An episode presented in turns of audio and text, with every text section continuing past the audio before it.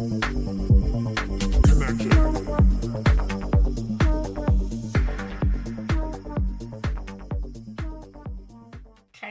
og velkommen tilbage. I dag skal vi snakke om min første tid. Øhm, det er sådan, at øh, jeg blev født i 1989, den 17. maj. Og øh, jeg blev født på Klostrup, Glostrup Hospital. Og jeg var født 14 dage for tidligt. Og jeg blev født med abstinenser. Ja.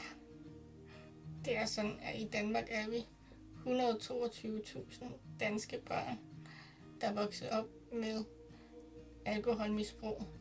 Og det drejer sig om børn i alle samfundsgrupper.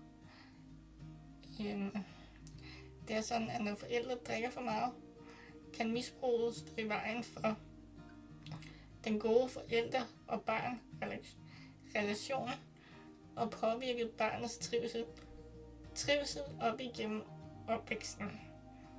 Og ikke, det kan jeg også gå under på. Jeg vil i dette afsnit tale om min første tid i barndommen med mine forældres misbrug og hvad jeg skulle igennem.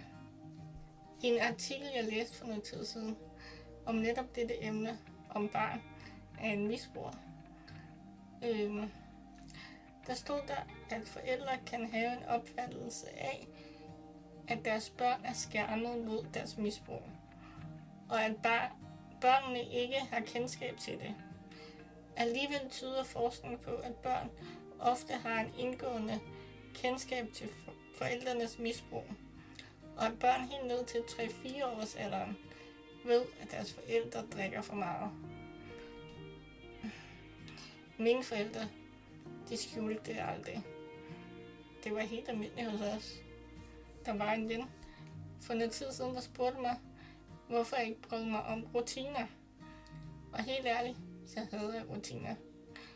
For den eneste rutine, jeg lærte som barn, det var, at hver dag skulle vi ned og stå ved købmanden, og min mor drak sig fuld, og vi kom hjem, og min mor og far skændtes, og det endte i slåskamp ofte.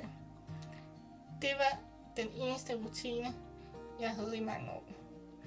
Hvis det var din, vil du så elske rutiner?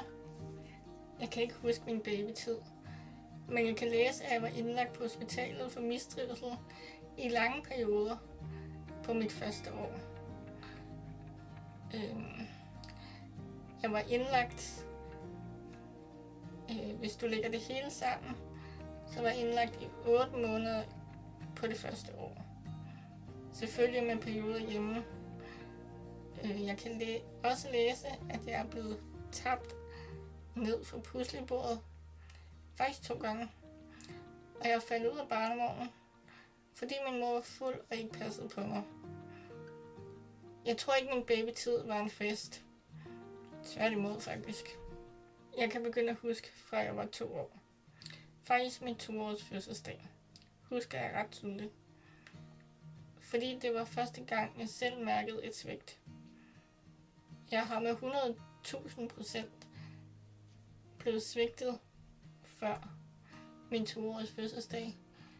Men det var her, jeg selv opdagede det.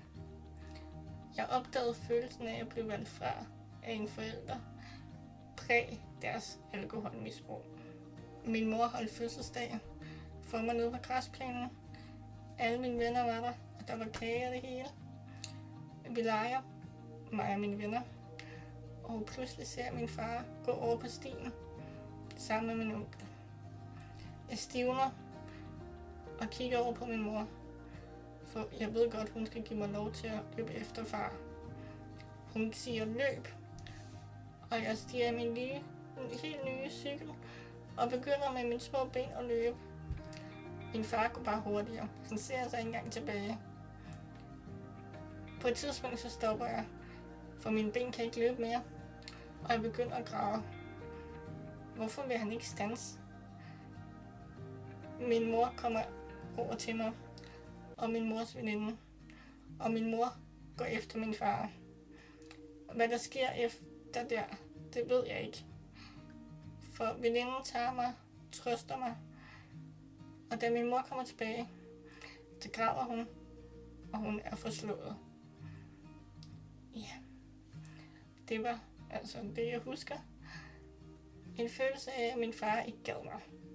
Det her, det er ikke engang en af de voldsomste ting. For jo længere vi kommer ind i min historie, jo mere vil du få et billede af, at min barndom var et stort helvede. Øhm, en typisk hverdag hos os var i gode perioder, der kom jeg i vuggestue, og så måtte jeg håbe på, at min mor huskede at hente mig.